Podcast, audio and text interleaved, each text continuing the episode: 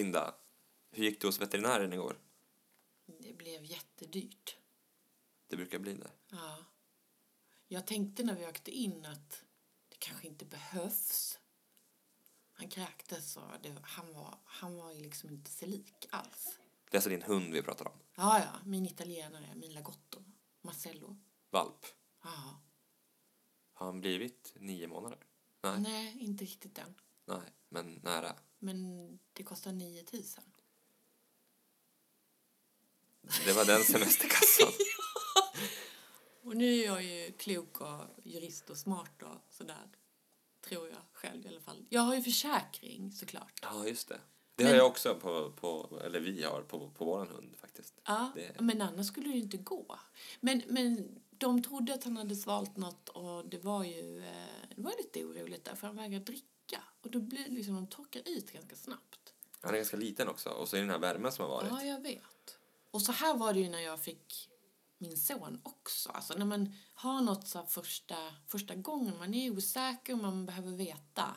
Ja, som man dessutom håller väldigt kär. Ja, jag vet. Jag är jättefäst för honom. Alltså sonen också såklart. Ja, det hoppas jag. Ja, båda. Han blir sur när jag säger att de är bröder. Kallar du Marcello för din son? Alltså, ja, men, du vet när man går in i så här dadda... Då brukar jag säga mammas pojke. Gör inte du det med Rudolf? Och pappas tuffing? Pappas tuffing. Nej. Nej. Nej, men alltså man, man gullar ju väldigt mycket med honom. Nu har ju han blivit väldigt stor. Han är också en valp eller ung hund som man kanske egentligen ska säga. Mm. Golden retriever. Mm. 30 kilo. Trots Ja, att han det. bara är 11 månader. Ja. Eh, men det är klart att man, man har ju väldigt puttinuttigt samtalston till honom, kan man väl säga. Jag undrar varför. Och jag undrar om det är rätt. Men det ska vi inte prata om i den här, Nej, det här avsnittet. nej det, det kanske kommer sen. Ja, det hoppas jag. Ja. Men vi, vi sitter alltså här i ett litet rum. Är jättelitet. Ja, Syret håller på att ta slut. fastän vi precis satt oss här. Ja. det är ingen bra Det början. gott. Om vi tystnar efterhand så är det för att vi har kvävts. Ja, undrar vem av oss som skulle kvävas först. Jag tror det skulle vara du. Ja, Jag tror också För det. min näsa är så pass stor så den skulle liksom sluka syret. Jag har väl i och för sig också en ganska stor näsa. Ja. Eh, Och men mina skånska diftonger gör att jag också använder mer. jag är ju från från Norrland så att jag är väl mer härdad Och då gör på du sätt och vis. också. Hur, hur gjorde du? Ida? gammal klyscha. Vad sa Andades du ut när du sa? Nej, Ja. in. ah, Nej, men då, blå, då visslar Ja, man. just det. Ja. Nej, Det måste ju vara in. Ja, precis. precis. Men vad va, vad kul att vi har hamnat i det här lilla rummet med, med en mikrofon framför oss. Ja, det är jätteroligt. Vi ska ju eh, verkligen göra kul saker och utforska det som i alla fall jag tycker är mest spännande av allt. Eh, relationer, Ja, kärlek, döden som kan vara nog så jobbig och pengar. och pengar. Pengar är ju också en så här, kanske inte viktigast men det är en bra sak. Det är en eh, ingrediens i vardagen. Verkligen. Men relationerna och familjen, alltså de man har närmast sig. Oavsett om det är vänner, om det är föräldrar, om det är barn, om det är hundar eller... Det är eh, nog det jag har landat i när jag är... Vad är jag? Är jag 44? Eller, nej, det vet ju inte du. Vi har ju knappt... Nej, du har nog in. ingen aning om hur gammal jag är heller. Ja, men du är så mycket yngre än vad du känner dig, det vet jag. Ja, jag brukar säga det att det känns som att jag är ungefär 33. Ja. Eh, jag har alltid känt mig lillgammal Ja. och tagit med det nu i vuxenlivet, eller man ska säga. Så att, men egentligen är jag lite yngre. Du är lite yngre än 33. Ja, Då är jag alltså minst 10 år äldre. Nästan 15. Spelar ingen roll. Det är Det- precis det som gör det här så bra. exakt. Jag med livserfarenhet och du med Livsnyfikenhet. mycket bra. Jag har dock inte tappat min helt, vill jag tillägga. Nej, det är gott. Ja. Nej, men vi, vi ska prata om relationerna och, och, och juridik. Alltså, det, det är ingenting som, är, som man oftast pratar om Nej. så här. Och det Och det- ska, det ska ju tilläggas att vi är jurister. Ja, Så, så någon form av förankring i juridiken har vi båda. ja men det är väl Men- för att både du och jag ser vilken betydelse juridiken får just på våra relationer. Ja, och det är så fascinerande på många sätt och intressant. Om jag väljer att flytta ihop med någon efter mycket funderande och förälskelse, du vet, det är alla de här faserna i livet. Då ska jag flytta och då, först, då, det är inte det första jag tänker på. Hur påverkar det här, hur påverkar juridiken det faktum att jag nu eh, flyttar ihop? Jag är ju kär och jag ska flytta ihop och jag ser en framtid. Jag tänker inte juridik, men oavsett om jag tänker det eller inte så finns det där och påverkar mitt liv jättemycket.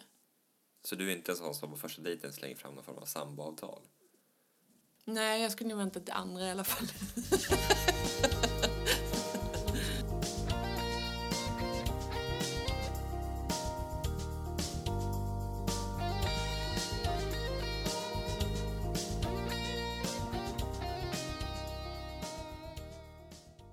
Prideveckan står för dörren. Ja, så himla roligt. Kan vi inte prata lite om det? Det tycker jag verkligen. Det tycker jag verkligen. Där har vi ju eh, massor med relationer och familjer i alla olika färger och konstellationer. Eh, det är en jätteviktig och spännande del att titta på. Verkligen. Ja, Och till råga på allt så har vi väldigt tur att vi har med oss vår kollega som äh, har väldigt mycket erfarenhet. Eh, inte minst från sin eh, arbetssituation för att hon jobbar mycket med, med den typen av frågor. ja och inte nog, alltså hon har ju doktorerat, du och förstår. det. Hon är ju Det är på riktigt. Hon Alltså. är mycket skarpare än både dig och mig, Emanuel. Du är ju superskarp, men, men Ja, men, hon är... Fast du är ju skarpare än mig. Nej, Ska inte erfarenhet liksom leda till, till, till ett sånt resultat? nu tycker jag vi pratar om Caroline. Vi, vi pratar inte om mig, vi pratar om Caroline. Hon är verkligen fantastisk. Ja. Eh, hon har under många, många år engagerat sig i de här frågorna och kan väldigt mycket och brinner som en eld. Det är ju hon som inom familjens jurist verkligen har lyft fram frågorna och gjort oss alla faktiskt väldigt medvetna och intresserade av familjefrågorna oavsett liksom, vad det är för typ av familj vi träffar. Tänk om man någonsin skulle få en sån hyllning till sig själv. Har du fått det? Alltså det du Som precis... Caroline fick ni? Av dig? Ja, men inte i en podd, det tror jag inte. Nej. Men då, då kan jag lova dig att om det här blir en bra podd, Ja. vilket det naturligtvis kommer bli, Ja. så ska du få mycket beröm i slutet av den här säsongen. ja, jag ska göra mitt bästa, Manuel. Ja, det, det tror jag faktiskt Ja. också. Ja. Och du kommer få beröm redan nu, för det är du som har tagit det här initiativet. ja, fast eh, en fågel viskade i mitt öra att, att du hade tänkt på det här innan jag la fram det för dig. Så man kan väl säga att vi båda har tagit initiativet. Ja, och att vi vill Framförallt, sprida det här, kunskapen kring hur vi lever och, och hur vi påverkas. Det, det är ju sån kunskap som alla borde få ha. Det är inte bara jurister som ska sitta på den. nej, för att om, om alla hade den kunskapen, Ja. nu ska inte vi sätta oss själva på några höga hästar, Nej. utan mer, mer att man liksom hade kännedom om hur man bör tänka rent i förebyggande syfte i olika situationer och sådär. Ja. så skulle ju färre problem, i vart fall förhoppningsvis, eh, uppkomma. Ja, det är ju alltså om du tecknar en hemförsäkring innan huset brinner ner Ja, så är det ju lättare att hantera än att du ska liksom försöka återställa ett nedbrunnet hus Precis. utan försäkring. på samma sätt som alla vet att en djurförsäkring innebär att du förmodligen inte behövde betala de där 9000 från egen Och nu ficka. påminner du mig om de där 9000. Jag undrar hur mycket det blir för mig. Ja, ja, vi får se. Har du inte koll på självrisken? Nej, jag får hem och läsa Ja, på. det tycker jag. Ja. Med anledning av Pride och, och hur det ser ut så kan det ändå vara spännande att titta på och förstå lite mer just familjebildning. Samkönade par, hur gör man om man inte liksom lever i en traditionell familj? Jag lever i bonusfamilj, det är inte heller traditionellt. Och där finns också specifika frågor som man kan liksom fundera på. Vad är en familj? Ja, men jag vet inte. Alltså ensamstående är ju också en familj. Ja. Det känns lite, lite unket nästan att prata kärnfamilj. Vi har med oss en kollega som heter Caroline Sörgärd som eh, har betydligt mer koll än oss vad gäller eh, ja, hbtq-juridik överlag ska jag väl säga. Och du får jättegärna presentera dig. Va, va, varför är du här egentligen? Varför har vi bjudit in just dig? Jag vet inte, ni ringde och jag kom. Därför Ja. att Jonas och Mark inte kom. Ja, precis. Då fick ni nöja med mig istället. Vi är jätteglada att ha dig här. Så jag förstår om alla är jättenöjda med det upplägget istället för Jonas och Mark. Nej, eh, jag har, ehm, jag har skrivit en avhandling om sam, som, som tar upp äktenskapet över tid och mycket då utvecklingen mot ett samkönat äktenskapsbegrepp eh, i Sverige och utomlands. Eh, Och sen så har jag forskat och undervisat på Uppsala universitet länge som, som lärare och brunnit för just hbtq-frågor i min forskning. Och nu jobbar jag då eh, mer praktiskt och hjälper kunder eh, och eh, ja, är med på Pride också och pratar på Kulturhuset och sådär. Eh, så att eh, där har jag varit med sedan 2014. Träffar du många regnbågsfamiljer om vi nu använder det begreppet? Ja, och jag gillar begreppet Ja. också. Eh, just för att det användes ju från början för att belysa mångfald. Mer då etnisk mångfald eh, från början. Eh, och sen så har det plockats upp av eh, hbtq-rörelsen och börjat användas eh, för att eh, belysa eh, olika typer av familjer där, där någon är, eh, tillhör hbtq-gruppen då. Just det. Så att jag tycker det är ett trevligt och vackert och eh, färgsprakande ord. Kopplat till Pride, eh, träffar du många där också som du pratar med eller Ja. har du bara föreläsning? Eller hur? Nej då, jag har föreläsning och sen så finns ju eh, företaget på plats eh, med ett eget tält i parken. Där vi eh, tar emot folk för gratis diskussioner om allt vad, vad det kan gälla. Liksom. Folk har massor med frågor eller bara kommer och pratar lite och tar en selfie eller någonting. Eh, käka godis och plocka prylar liksom. Men det är jättetrevligt. Man träffar hur mycket folk som helst. Men, men vad, är det, vad är det människor kommer och frågar om då, eller pratar om? För att, jag menar, de juridiska frågorna har man ju inte liksom koll på vad behöver jag eller vad vill jag. Utan är det oftast liksom att man har stött på ett problem och vill dryfta det eller är det mer trygghet? Man kan ju fråga om arv eller... Ja, alltså det är allt möjligt. Vissa vill bara prata lite. Vi har en jätteskön soffa liksom. Så Ja. det, det är schysst att komma in. Eller vi har så snygga regnponchos och, och så. Men, Ja. men eller så är det bara, och då kan man komma och sitta och prata lite. Och, och vissa är så här återkommande nu när vi har varit med så många år. Ja. Eh, Hur många år har vi varit där? sen 2013 Ja. egentligen. Och du har föreläst varje Sen år? 2014 har Ja. jag personligen föreläst. På, på Pride House. Det är Så- väl du, Caroline, som har lyft upp de här frågorna ganska mycket inom familjens jurist också? Ja, det var lite syftet när jag anställdes också. Så att, Ja. eh, så att jag, jag är väl liksom det namnet som, som ploppar upp. ja. Eh, Men, eh, men jag har, jag har ju utbildat folk liksom, så att nu är vi ju ett stort gäng. Ja, det är det som är så roligt, att Mm. vi är många i företaget som Ja, har blivit duktiga på det här och ett stort engagemang i det. ja för det är ju precis som du sa nyss, folk kommer ju ibland för att de har ett problem och sen så ska man ju inte säga att det finns någon speciell hbtq-juridik nödvändigtvis hela tiden utan det kan ju handla mycket om att man, man vill bli liksom bra, schysst bemött och inte träffa någon, någon liksom stofil som inte eh, ja, som inte fattar alls vad man inte ska säga. Nej, Så helt oinkluderande. Så att eh, det är mycket, så- det är mycket bemötande. För, för ofta är det ju precis samma juridik. Det är inte som att man har olika typer av vårdnadstvister ifall, ifall en person tillhör hbtq-folket. Liksom. Nej, Så, såklart. att så är det ju inte eh, nödvändigtvis på något vis. Utan, eh, ja, det det kan vara helt vanlig juridik men med, med ett trevligt sätt. Eller så är det specialjuridik, för det finns det ju ibland också. Eh, Ja, men jag tänker exempelvis... Förlåt, nu avbröt jag dig. det är lugnt. Nej, men jag tänker just en, en sån sak som att vi är exempelvis fyra eller fem föräldrar i en familj. Och på pappret vet jag ju att man kan ju då bara vara två Mm. eh, alltså rättsliga eller juridiska föräldrar, om man ska säga.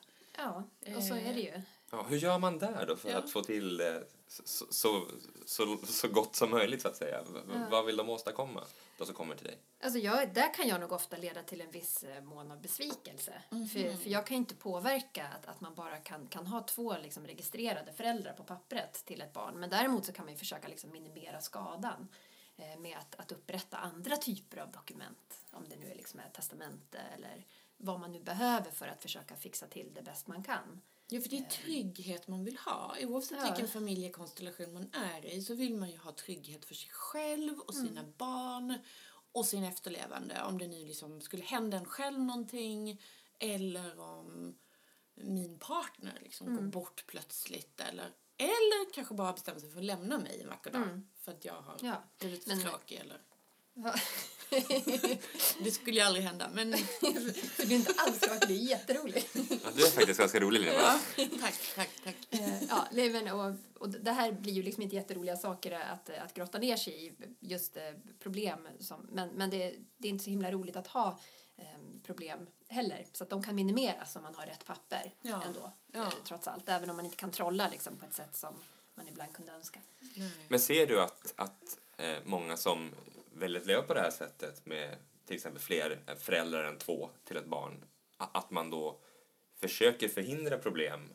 Eller är det oftare att problemen uppstår och att det är då man kontaktar en jurist eller Nej, men alltså folk är mycket mer förebyggande. Och där kan jag ju tänka att, eh, att här har ju regnbågsfamiljer ofta ett försprång för man planerar ju barn på ett, på ett annat sätt. Såklart. Oftast. Ja. Eh, Man ska ju aldrig generalisera, men ofta så är det mer planering när det är fler personer inblandade på det här sättet. Ja. Så att det leder ju till att man kan ju liksom, man pratar igenom föräldraskapet tror jag på, på ett sätt som man inte alltid gör eh, annars. Eh, det, det är sällan en, en tillfällighet eller ett misstag att man blir gravid. Utan det, det, är liksom, det föregås av planering.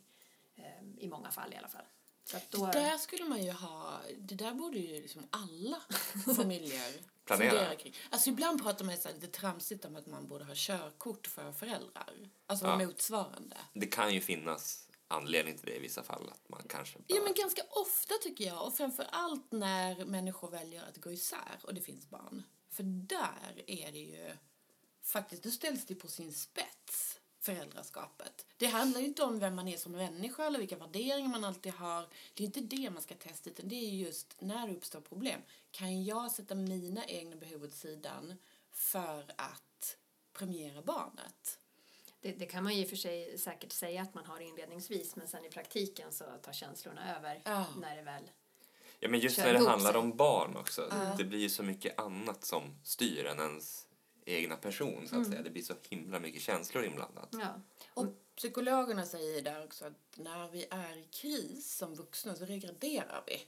Och då blir vi, alltså då, då, då blir vi som barn själva där alla våra känslomässiga behov ska liksom tillgodoses och vi blir... ja, och det ser jag jätteofta Ah, faktiskt. Ja. Eftersom jag håller på mycket med den typen av tvister också. Ja, ehm, när det gäller alla olika familjekonstellationer. Så att Ja. säga. Det, det är klart att eh, en människa i, i kris kommer inte att handla rationellt nej. i alla lägen. Så är det ju. Nej. Så där har man ett stort ansvar också att, att, eh, att eh, informera folk om och, och visa på vad det är som är viktigt. Ja, tycker jag i min ombudsroll att det är jätteviktigt. Ja. Att man lyfter fram att det handlar om barn och barns bästa och inte föräldrars bästa. Nej, precis. Så att, eh, Ja, men det är det jag menar, alla borde egentligen liksom fundera och tänka igenom hur, hur skulle vi lösa saker om vi går skilda vägar eller om någonting skulle hända.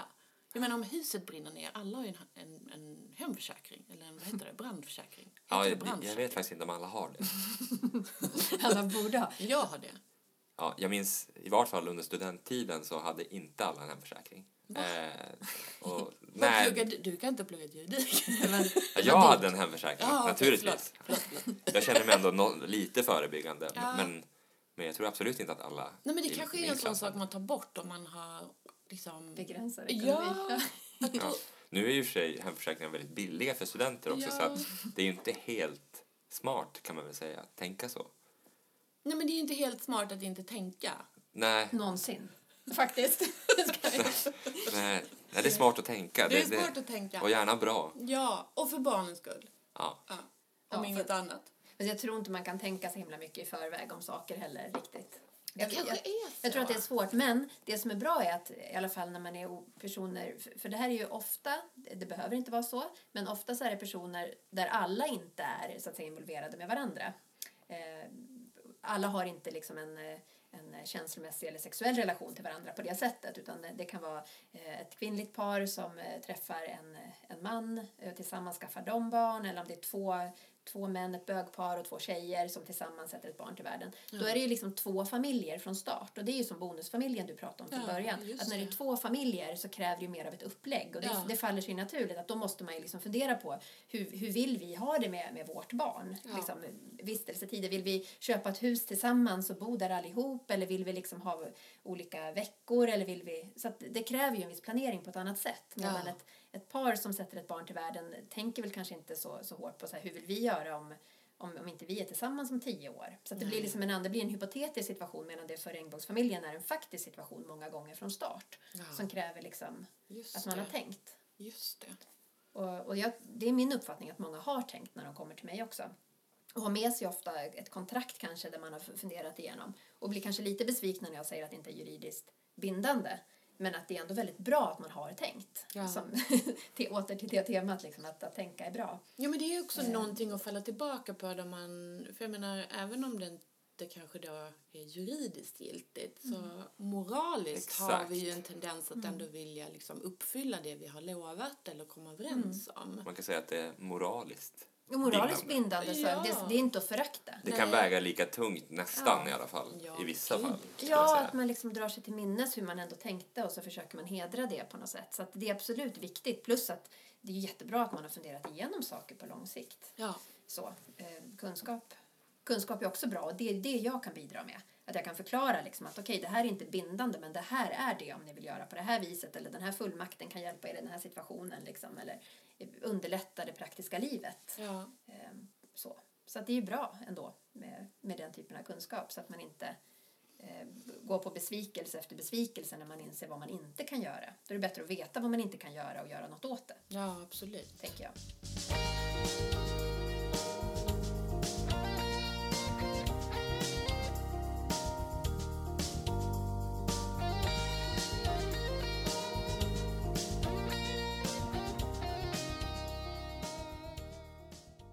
Emanuel, är du, är du bög? Får man, vänta, får man säga bög? Alltså, är du homosexuell? Alltså det här med, med begrepp är väldigt svårt kan jag tänka mig att jag själv dels tycker, men men att även andra gör. Eh, vad får man egentligen säga? Vad är olämpligt att säga? Eh, vilka begrepp ska man egentligen förhålla sig till när man pratar om allt egentligen? Men, men, men just här får du gärna flika in Caroline. Det som att du, Ja, ni ni Du kändes svaren. lite osäkra där med begreppen tycker jag. man, man vill verkligen inte trampa någon på tårna. Även om man inte har någon form av ond avsikt så kan man ju säga något väldigt klumpigt. Det, ja, och det kan man absolut göra. Och och det, det där är ju en jätteviktig del av allt vad heter liksom bemötande. Bemötande av myndigheter, bemötande i, i de tjänster i samhället som man nyttjar. Så, så finns det ju en... eh, Det, det är ett, ett inkluderande sätt att tänka är ju alltid väldigt bra. Eh, Och eh, ja, jag skulle säga att man kan använda ordet bög, men det beror definitivt, bög och flata, men det beror definitivt på vilket sammanhang det är och vem det är som säger det. Ja, för Eh, bög skulle har väl Sverige- använts ja. nedsättande i många... Jo, absolut. Men det handlar ju mycket om att man liksom har tagit tillbaka begreppen Ja, inom en bra. rörelse för att göra dem eh, mindre negativt laddade. Det är precis som bitch. Ja, men eller hur? Så bitch börjar ju användas som ett powerbegrepp där Mm. det i liksom hiphopkulturen har varit... Ja, man, man plockar begrepp för att göra dem eh, ja, men mindre negativa. För att ta Ja. bort en negativ laddning som historiskt sett har funnits. Men det är klart att står liksom en, en pojke i nian och skriker jävla bög till sin klasskompis så finns det ju ingenting positivt i det. Utan då är det ju bara hemskt. Ja. Så att sammanhang kommer ju att vara kommer ju vara avgörande. Och sen är det ju alltid så att inom en kultur, som ju hbtq-rörelsen är, att inom en kultur så är det ju alltid mer okej att använda begreppen. Eller då behöver man inte reflektera över om begreppen är är dålig eller inte. För då är det så självklart ändå Om- vad man menar. Ja, om, om du är en så får du säga det. Alltså den är ju helt, helt självklar Ja. på något sätt. Ja. Ehm, och, och det finns ju inom alla olika typer av kulturer också. Vad, vad folk kallar varandra i vissa invandrarkulturer och så vidare. Hur, hur man liksom använder olika begrepp. Ehm, så att, så att Fast beg- tjockis får man inte säga. Även om man är tjockis själv. Nej, det, jag tycker faktiskt man ska undvika det. Ja. Fast just, ja, det, det, det, får väl stå, det får väl stå för folk att avgöra vad de tycker är okej att säga i olika grupper på något sätt. För det finns ju jargonger. Ja. Eh, och jargonger kan ju också vara eh, okej så länge ingen blir förolämpad liksom. Jag vet inte. Men Men- jargongen kan ju vara väldigt, i vart fall objektivt sett, väldigt nedlåtande. Mm. Ja, många gånger. absolut. Men det här, allt det där beror ju på hur folk uppfattar saker. Du får ju aldrig förolämpa någon. Du får ju aldrig liksom såra någon. Och det är ju jättesvårt. För man vill inte trampa någon på tårna och man vill inte säga fel. Eh, Nej, men- för, för i, i rätt sammanhang kan man inte säga vad som helst beroende på hur personen i fråga uppfattar det. Ja, fast i, i, i en tid av metoo-rörelser och annat så kan väl viss försiktighet kanske iakttas. Ja. Eh, Så att man inte själv tycker att man är jätterolig och liksom frän och inne i en kultur och så bara springer man runt och trampar folk på tårna så man kan ju vara lite försiktig. Nej. Så Frän. jag skulle, fort, jag skulle Jag fortfarande... avslöjade något om min ålder. Fräsig. Och stört ball. Ja, det. Störtball. Är det tidigt 90-tal? Vi, vi pratar till och med ett Eva Dahlgren-citat där i en låt. Jag är stört ball. Den, den Eva känns som att. Äsch, nu är det här ändå en, en Ja. podd inne på temat regnbåge. Då får man inte säga Eva Dahlgren who. Nej, förlåt. Får man faktiskt. Nej, förlåt. Men jag har ju redan kanske trampat i klaveret när jag frågade om du var bög. Det var ju väl det vi skulle, liksom begreppen. Ja, jag och så kanske man inte brukar och sen kanske man inte riktigt brukar fråga folk det rakt ut hur som helst heller utan Nej, det kan jag också tycka är Ja. konstigt att det är självklart att fråga en homosexuell om deras, om deras sexuella läggning. Men det, du skulle ju aldrig gå fram till liksom... eh, ja, men Jag skulle inte fråga dig, Emanuel. Bara, ah, är du hetero? Fast Linda, jag, jag skulle väl kanske inte tycka att det, att det är okej att springa rakt fram och fråga folk den frågan oavsett sexuell läggning. Nej, eller hur? För att världen är ju inte heller helt svartvit. Det finns ju Nej. skalor på saker. Ja.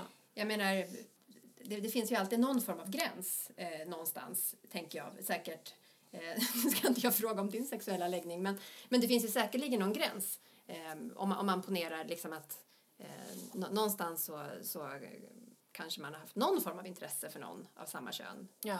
I alla fall i jag- jämförelse med någon av motsatt kön så kanske det Ja, någonstans men jag är kan någon också som känns mer att tilltalande. generellt, alltså i en arbetsmiljö kan jag inte säga att den frågan fyller någon liksom större Nej. funktion eller berättar någonting som är viktigt för att kunna jobba tillsammans eller vara professionell. Också i skenet av metoo då. Ja, och GDPR. Ja, Ja, så- det också. Bra, Emanuel!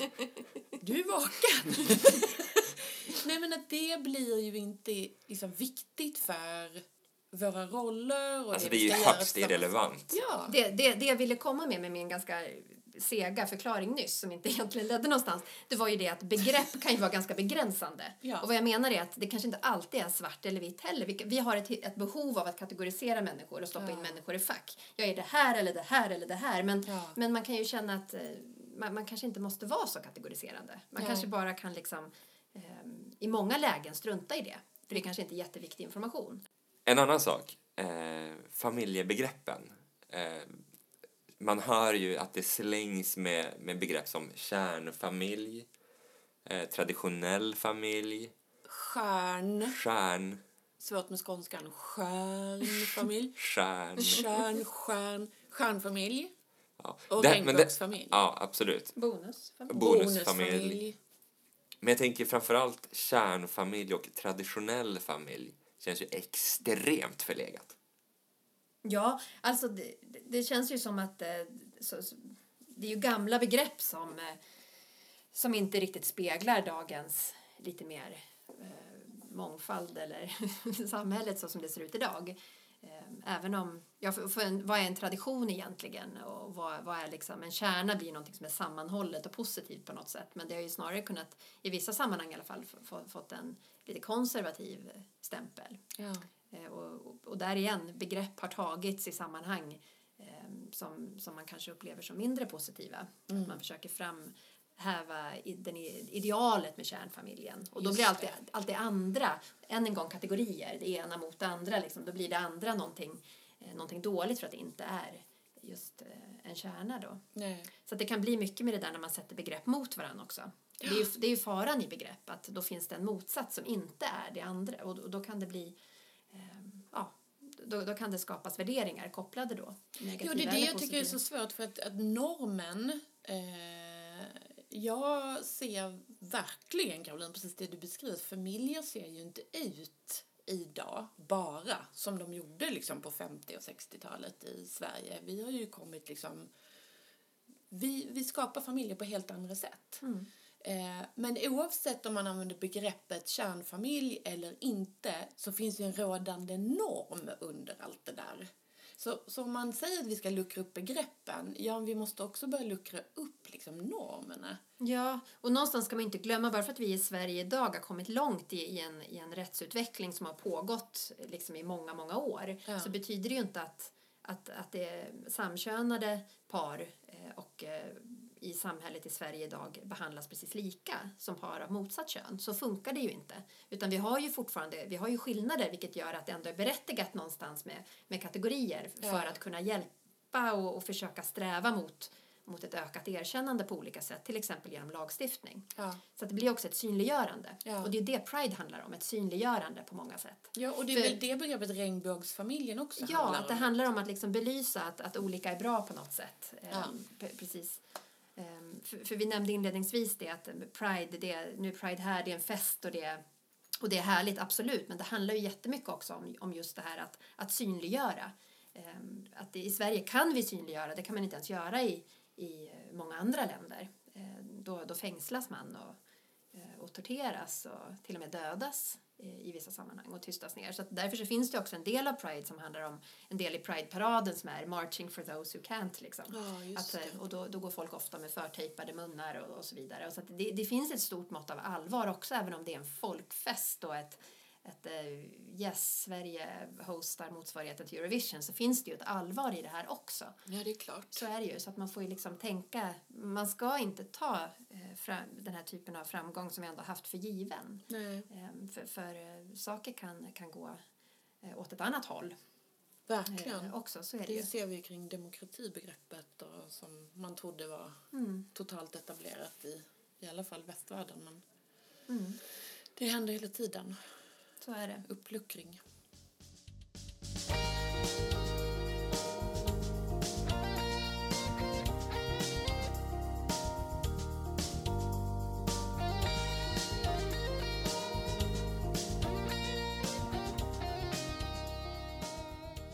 Men, men om man anknyter kring det här då med, med allvaret och vad vi har liksom hur långt vi har kommit. Eh, eller inte långt man har kommit i Mm. olika länder. och Så där. Eh, temat för Pride är ju från eh, då till nu. Var är vi nu? Vad händer framåt? Eh, hur ser det ut liksom idag? Ja. För svenska par som vill skaffa barn? Eller finns det liksom, gör, gör vi fortfarande skillnad? Ja, alltså vi har ju börjat med att, att, eh, att tillåta saker rent generellt. Ja. Och sen så har ju liksom opinionen eh, stärkts av att, att, eh, att det har blivit lagligt att till exempel man började med att, ja det var ju partnerskapslagen 95 Mm. som gjorde att man kunde gifta sig. Mm. Och sen så kom ju, men då var det in, inte möjligt med föräldrar, gemensamt föräldraskap för samkönade par.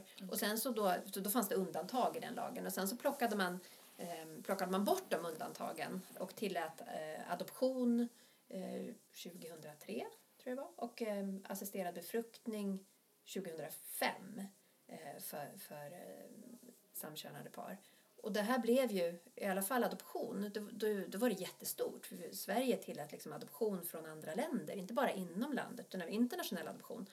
Så det, det fick ju stora rubriker men det fanns ju ingen möjlighet rent praktiskt då. Det fanns inga länder som godkände eh, adoptivföräldrar från Sverige, Finns det det idag? Ja, alltså om man går, det är extremt ovanligt. Alltså, saken är den att eh, Sverige samarbetar. Eh, man går genom, genom svenska eh, myndigheter och, eh, och eh, adoptionsförmedlingar, adoptionscentrum och andra som, som då samarbetar med eh, så kallade givarländer. Och där sker då en kontroll av att det hela ska gå till på rätt sätt. Så att eh, därför så, så vill man att man går igenom den svenska förmedlingen och inte så att säga åker ner och själv ordnar med adoption utan det ska gå igenom Sverige. Och då är det beroende av vilka länder Sverige samarbetar med. Mm. Och här har det ju funnits eh, brister i det. Men nu om man går in och läser på Adoptionscentrums hemsida så nämns liksom Colombia och Sydafrika och sådär. Men man ska inte glömma att det alltid är givarlandet som har sista ordet. Det är Ja, givarlandet som precis. bestämmer var barnen ska hamna. Och här finns det tyvärr en gradering av vad man då anser är attraktiva föräldrar. Mm. En förälder är inte lika attraktivt som två till exempel. Nej. Ensamstående får ju adoptera barn men, Ja. men det är väldigt svårt att, att, eh, att få ett barn många gånger till sig. Hur bra man än är eftersom eh, vi kan, inte, vi kan säga att det här är lagen i Sverige. Det, det Sverige kan göra är, är att försöka att skicka in ansökningar från samkönade par men man kan inte garantera att det kommer barn på det sättet. Så att, eh, de adoptioner som har förmedlats har ofta skett genom att någon i, om, det, vi säger att, att det är två män, att ofta en då har koppling till ett annat land på ett annat sätt så att man kunnat åka och bo där och kanske sköta en adoption liksom på det sättet och sen komma hem i Sverige och få den erkänd. Jag tänker på Lars Lerin och hans man Juno. Ja, precis. Han, där är väl adoption från Brasilien då misstänker jag. Ja, det är nog möjligt. Jag tror att ja, jag är inte helt insatt i Nej, deras situation. Men jag tror att det, Ja. Och sen så är det ju många som väljer eh, att gå, genomgå ett surrogatarrangemang. Att anlita en surrogatmor eller värdmor utomlands någonstans. Får man göra det? Eh, ja, det är ju inte olagligt att be någon annan att, bära ens barn. Nej. Är ju inte. Men det blir ju komplicerat eftersom att vi i Sverige inte, inte har regler som, eh, som funkar egentligen. För att enligt svensk lag, den kvinna som föder ett barn är barnets mor. Och där finns det inga undantag. Nej. Eh, Så att så tänker vi, att den kvinna som då föder barnet, den surrogatmodern, hon är barnets mor enligt, enligt svensk rätt. Och det måste man i efterhand då försöka ändra på. Så att då, då blir det en massa komplikationer på vägen. Ja. Man stöter på olika typer av problem. Få in barnet i landet, eh, få faderskapet eh, erkänt och så vidare. För det, ja, så att det finns det en, eh, det här, händer, det här genomförs på, på ganska frekvent. Men vad är vi på väg där då? Håller det på att bli, alltså kommer det att bli, kommer vi att få ändringar i de reglerna? Kommer det att bli lättare? Om du ska göra liksom en framtidsspaning där, vad tror du? Alltså 2016 så kom det ju en, en utredning, en Ja. offentlig utredning som var oerhört negativ till bland annat surrogatarrangemang.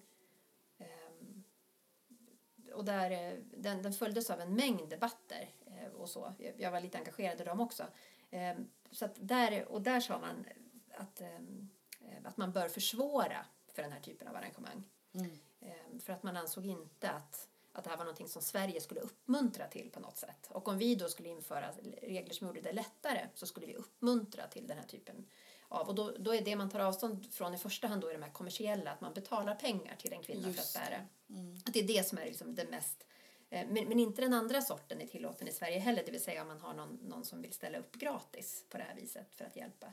Eh, inte heller reglerat, då får man genomföra en adoption efteråt i så fall eh, Mm, för okej. att det ska funka. Och det kan ju man ju alltid ändra sig. Ja. Så. Ja. Men, eh, men, men som svar på frågan, det, den här utredningen gav väldigt negativa signaler. Sen eh, nu i år så kom det en, eh, en, eh, en, en ny skrift, en proposition eh, från regeringen där det då eh, faktiskt ändå gjorts vissa eh, förbättringar. Eller där man föreslår förbättringar som, som ska träda i kraft eh, någon gång kanske i höst eller så. Vi får se när det blir i, i valtider. Men, men eh, där man då ändå har tänkt att det, det borde kanske bli lite lättare i alla fall att kunna fastställa faderskap när barnet inte bor i Sverige än och sådana saker.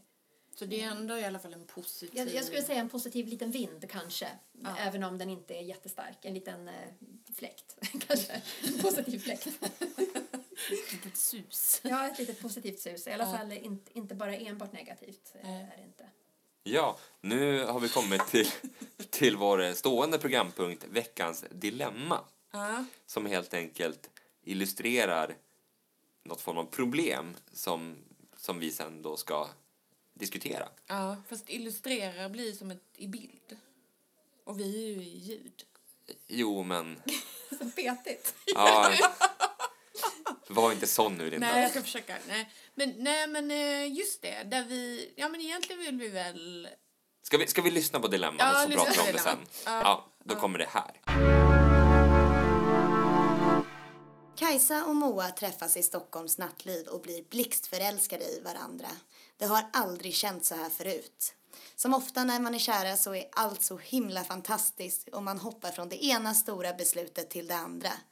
För Moa och Kajsa går det i en rasande takt. Först backpackar de i Asien, sen köper de hund, flyttar ihop och plötsligt en dag är den där. Längtan efter ett barn. De bestämmer sig för att åka till Danmark som de flesta brukar göra för att låta inseminera Moa och de har tur. Hon blir gravid direkt. Barnet föds och allt förändras. Moa tappar känslorna för Kajsa och lämnar henne. Förfärligt tycker Kajsa vars hjärta fortfarande slår för Moa. Men det viktigaste är inte att hon och Moa har gjort slut utan att Kajsa ska få träffa sitt barn. Det blåvägrar dock Moa som säger att det är hennes barn och ingen annans. Kajsa blir förkrossad, för Moa har ju rätt.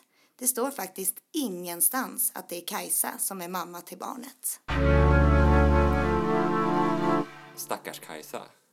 Ja, det känns ju jättejobbigt. Är Man kan det ju bara tänka sig själv om man inte fick någon enda möjlighet att träffa sitt barn. Ja, men när man verkligen är i den situationen också, att man verkligen är förälder i alla dess bemärkelser, bortsett från det juridiska. Ja. Och så hamnar man i den situationen. Ja, och har ingen möjlighet att kunna få hjälp av myndigheter eller någonstans att Nej, ja, det är overkligt. Och för barnet också, tänker jag, som missar liksom chansen och, och sin rätt att få umgås med sina andra föräldrar. För det är kanske viktigt att också komma ihåg. Det är barnets rätt till båda sina föräldrar, eller till alla sina föräldrar. Ja. Shit, där sa jag fel. till alla sina föräldrar. Ja, nej men alltså det, det, det här är ju också en sån här grej som eh, man, man måste tänka på att ehm, svensk lagstiftning begränsar eh, på det sättet. Här finns det ju en skillnad kvar. När ett barn blir till eh, på klinik utomlands ehm, eller i egen privat regi, till exempel i samarbete med andra privat hemma, eh, så finns det en skillnad idag mot eh, vad som gäller om man använder sig av den svenska sjukvården, det här som, som infördes 2005. Eh, på universitetssjukhus, nu kanske det blir fler inrättningar i och med den här nya utredningen, men om man, om man, då, gör, om man då får barn tillsammans på svenskt sjukhus ehm, som sambor eller gifta, ehm, två kvinnor, så då gäller liksom, då, då, blir man, auto- då blir man eh, föräldrar båda två när barnet föds. Man måste till SOS och, och bekräfta eh, föräldraskapet, men man är ändå bunden i och med behandlingen Ja. till, till som, så att barnet garanteras två föräldrar från start. Och där har man sagt att det är jätteviktigt att bara godkänna på det här sättet eh, två föräldrar när det görs i Sverige för att då kan vi garantera barnets rätt att få veta sitt ursprung. Ja. Så har man sagt i Sverige. När man åker utomlands så kan det vara helt anonyma donatorer, eh, barnet får inte den här rätten och då kan inte vi sanktionera det genom att godkänna. Det handlar om att vad svensk lag ska signalera är okej. Lite som surrogatmödraskap. Att Ja. man, man är så orolig att sända en signal om att ett beteende är önskvärt när det inte är det. Ehm, Men beteendena har ju liksom inte förändrats utan det är jättevanligt att folk åker utomlands i alla fall. För att det är ofta billigare, det går snabbare, inga väntetider eh, och det är liksom en smidighet i det. När det tar ett år att vänta i kö i Sverige så är det ingen kötid i Danmark. Så då åker man kanske dit i alla fall och ofta kanske man inte ens har förstått skillnaden. För skillnaden är då rent konkret att det krävs en adoption när du har varit utomlands. Ja, för det var det jag tänkte. Hur funkar det då när man har varit utomlands? Då får man genomföra en adoption när man Då är det adoption hem. som skapar eh, föräldraskapsband. Det går inte att gå till SOS. Nu, nu håller man på att utreda det här och, och kanske tänker ändra på det också Ja. så småningom. Men, men, eh, men så, det ser fortfarande ut så att det krävs eh, en adoption idag i Sverige. En, en så kallad närstående adoption. Men det är ju samma sak, så adoption inom familjen. Så att då måste man, socialnämnden behöver lägga ner en faderskapsutredning som, som eh, inleds då när barnet eh, föds eh, av en ogift kvinna, som det heter. så, så är det en faderskapsutredning som ska läggas ner och sen så kan man ansöka om adoption. Men för att få adoptera så måste man vara, som det fortfarande ser ut, gifta med varandra. Sambor kommer förmodligen att räcka inom kort, men, men att man är gifta med varandra och har en relation. Eh, skulle det då ha, ha spruckit förhållandet på vägen eh, innan ad- adoptionen genomförs, och det kan ju ta ett år efter att barnet är fött innan den är klar. Varför tar det så lång tid? Ja, alltså, du ska ha hembesök av SOS till exempel som ska utreda att eh, förhållandet är stabilt och att, att det är till fördel för barnet. Ja. Så att, och, sånt har ju, och domstolarna har ju handläggningstider. Ja. Så att jag säger ett år, visst det kanske kan ta ett halvår men, men det beror ju på. Ja. Så att om man tänker att det tar ett år och sen kanske man inte är jättesnabb med att få in de där ansökningarna. Faderskapsutredningen ska läggas ner. Och det- tar i alla fall någon månad efter barnets födelse innan de sammanträder i nämnden. Och sen så kan man ge in en adoptionsansökan. Och den tar ju tid att hantera. Det, och det, går liksom, det beror ju på var i landet man bor och hur hög belastning domstolen har. Men det tar tid. Så att om man räknar med ett år och sen så... Sen så Och då är det från barnet har fötts. Man kan Ja. inte liksom redan under graviditeten börja... Nej, du kan inte, du kan inte adoptera och, och inleda det innan barnet är fött. Nej. Du kan ju säkert etablera kontakter med SOS men en, del familjerätter är väldigt eh, obenägna att vilja göra någonting innan barnet är fött. De vill veta konceptionstider och liksom rimligheter fram och tillbaka så att de är inte så himla sugna på att, att ta det samtalet innan. Även om det skulle kanske underlätta. Men finns det någonting man skulle kunna göra då? Om jag och min fru vill göra det här i Danmark. Ja, Finns alltså, det någonting vi kan göra för att vi inte ska hamna i den här situationen? Att hon tröttnar på mig. Vilket såklart inte Alltså händer. det, och det, det, är det, det är det man inte kan göra, eh, tyvärr. Man kan, ju inte, man kan ju inte skriva något sånt bindande avtal om att under alla omständigheter. Och man kan ju heller inte liksom ljuga för myndigheterna då att man fortfarande är gifta med varandra. Det ska man ju inte göra, man ska inte ljuga för myndigheter. Nej. Men det kan ju bli liksom det enda sättet då att åstadkomma en adoption. Men sen så är det ju också så att det har ju funnits undantag. Att, att någon tingsrätt har sett lite mer vidlyftigt på det hela och tänkt att eh, vi måste vara praktiska och, och faktiskt ha godkänt i någon enstaka situation. Men det ska inte gå. Nej, okej. Men jag har sett att det någon gång har gått. Och sen är det också som så att i det här fallet som vi prat, pratade om i problemet här som vi, som vi nu kommenterar så var ju barnet väldigt, väldigt litet eh, när, eh, när förhållandet tog slut. Hade barnet varit fem år och man inte hade genomfört en adoption och då fick man för sig att nu gör vi det här en gång för alla. Ja, då skulle det kanske finnas en liten chans i alla fall att engagera SOS i att försöka eh, vad, vad, liksom, få, väcka talan om ett umgänge med annan än förälder som man säger, vilket i och för sig är kränkande begreppsmässigt. Men Ja. det finns en liten men som är egentligen mest är en teoretisk möjlighet till umgänge med annan än förälder, till exempel en mormor eller farmor eller farfar, morfar eh, så som lagtexten är utformad. Men den paragrafen används ju aldrig i praktiken eftersom det blir bråk. Och bråk är aldrig bra för barn. Och är det bråk med annan än en förälder så tycker man inte att det är värt bråket. Mormor, farmor, morfar, farfar har varit liksom eh, det är de som nämns som exempel på. Så Kajsa har egentligen den teoretiska möjligheten men praktiskt är det tveksamt om det Ja, men jag kan tänka att hen, där skulle ju hänsynen vara där skulle man kunna tänka att det låg mer i barnets intresse om, om, eh, om de hade levt tillsammans som en familj och varit i praktiken en familj. Ja, och Kajsa hade varit uppväxten. förälder under några år. Då hade man haft en, en relation att bevara. Men när det bara är liksom ett i princip, i princip nyfött barn Mm. eller liksom pyttelitet barn då, då är ju frågan vems intresse är det man, man agerar på. Så där tror inte jag att socialtjänsterna skulle vara särskilt benägna att, att ens försöka hjälpa till med det här. Och jag tror inte att det skulle nå framgång heller. Eh, Så där finns det egentligen, eh, ja men så, kort sagt så är det ju så att det, det är ju ganska kört. eh, Ifall inte liksom MOA samverkar, medverkar till Men det. där är ju verkligen en stor skillnad om man tänker sig ett heterosexuellt par där de är sambor. Mamman får ju ensam vårdnad. Eh, vilket i och för sig kan vara jättebesvärligt i sig för den. ja, men, men där gör ju så som faderskapsutredning och fastställer liksom Ja. eh, faderskapet vilket då ger pappan betydligt bättre möjligheter Jo, för att då- få ja, han har ju- hjälp och få umgänge Han med har sitt ju, barn. då har ju han talerätt. Ja. Och det är ju skillnaden. Ja. Då kan han väcka talan i domstol. Men sen har vi rättsfall som visar på, eh, nu gör den som bara tycker att allt är mörkt, men då har, vi ändå, då har vi ändå rättsfall som visar på att det faktum att en man försökte processa år efter år efter år för att träffa sitt barn, nej det var så mycket konflikter så att det är nog inget bra med umgänge. Så, att, så att där kan det, alltså, det, finns ju, det finns ju problem som är väldigt mångfacetterade i det här men, men kontentan är att det såklart är en mycket mer utsatt situation för, för den, den kvinna som inte ens erkänns som förälder. Ja. För hon kan ju inte ens väcka talan utan måste försöka lobba via SOS för att få någon form av möjlighet vilken i praktiken egentligen inte ens finns. Nej. Eh, Den är, den är bara teoretisk. Det är ju lätt att prata om, om ett samkönat par där två kvinnor vill få barn. Eh, men jag tänker när två män vill få barn och, allt kring det, hur, hur, fungerar det rent juridiskt och praktiskt och ja, Ja, alltså det är ju jättelätt att man snöar in på att, att prata väldigt mycket om kvinnor. Och det är ju en kritik som ofta kan komma om man är ute och håller föredrag eller någonting. Men hallå, nu pratar du bara om tjejer. Men det beror ju på att de här reglerna om assisterad befruktning, alltså provrörsbefruktning och insemination och sånt i Sverige har ju varit, det är ju för kvinnor. Så att då har det ju blivit mycket om kvinnor eftersom att kvinnor ofta har en livmoder. Så har det ju blivit en, en eh, då har det ju blivit liksom ett fokus där. Men det är såklart inte inte rimligt att snöa in på, på kvinnor och eh, föräldraskap. För att barnlängtan är ju precis lika stor hos många män.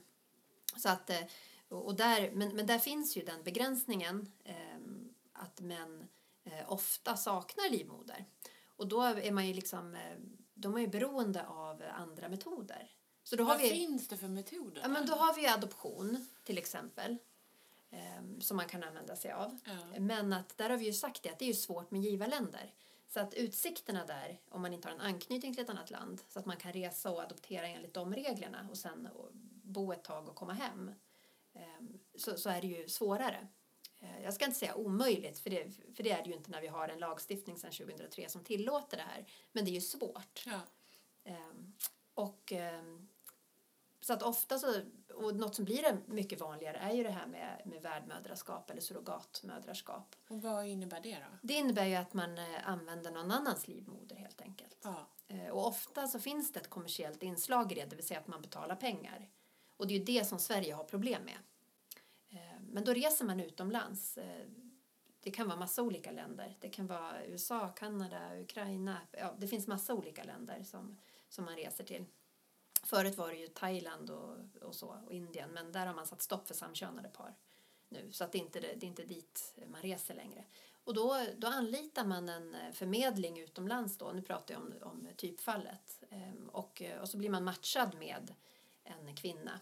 Eh, och ehm, ja, så, så oftast, kvinnan kan ju använda sina egna ägg, men oftast så, så sker det en befruktning utanför kroppen med ett donerat ägg. Ja, okej. Så, och en av männens eh, spermier. Eh, Och så befruktar man i provglas och när det har börjat dela sig lite grann så har man ett embryo och då för man in det i livmodern, ett eller två då. Och, eh, och, så. Och, och sen då när det blir en graviditet i, i till exempel USA så kan man ju avtala om det mesta. Så där kan man ju då avtala om, om det här barnet innan det eh, är fött så att säga. Att det här är ju en, en sån här, eh, ja, kvinnan föder barnet men hon blir inte förälder. Det är ju typ exemplet, vad heter mäklaren, den här jättestora mäklaren i, i New York? Fredrik Eklund. Ja, precis. Han har ju berättat om deras barnlängtan och just hela resan och att det har varit en, en lång väg. Men Jo, där men de nu har lyckats. Ja, och, där, och det finns ju, ja, så att det här har blivit allt vanligare skulle Ja. jag säga. Ifall man har pengar i alla fall, för det är ju säkert ganska dyrt Ja, på många sätt. Så att det blir ju en, eh, en jobbig detalj Ja. i sammanhanget. Så. Men, eh, men, men så att det här är ju, det är ju ett sätt. Och sen är det ju ett sätt för, för män med barnlängtan att, att gå ihop med, med en eller flera kvinnor, precis som vi har berört tidigare i en så här tre eller fyrklöverfamilj eh, konstellation. Eh, och tillsammans ta hand om ett barn, vilket ju också har eh, många, många fördelar på, många, på, på olika sätt. Men, men juridiska problem knutna till sig då. Men så lyxigt för barnet. Förstå det jättesammanhanget av En stor familj som förr på något vis. vuxna med liksom fullspäckad med kärlek. Mm. Någon borde alltid ha tid för en. Ja, Verkligen. Nej, men så, att Drömscenario. det, så att det finns ju det finns ju olika sätt men det är ju det är ju svårare och sen så har vi ju inte berört eh, transpersoner så mycket i, det här, i den här podden heller men även där, eh, där kan det ju vara så att, att en man har en livmoder och alltså kan föda barn. Och det här har lett till mer problem hos min favorit Skatteverket. Eh, för då har man haft svårt att registrera. När mannen föder barn så vill Sverige säga mor. Ja. Och, och, och det är ju direkt kränkande och fel. Så att, men nu har man i alla fall den här senaste propositionen sagt att det här, så får det inte vara. En man som föder ett barn ska bli barnets far. ja. Så att, eh, så att det, går ju ändå så här sakta små, små fläktar framåt i, i utvecklingen på något sätt skulle jag säga. Tack för att du kom hit, Caroline. Ja, tack snälla för att jag fick komma. Så himla bra. Nu har jag förstått så mycket mer. Kanon. Ja.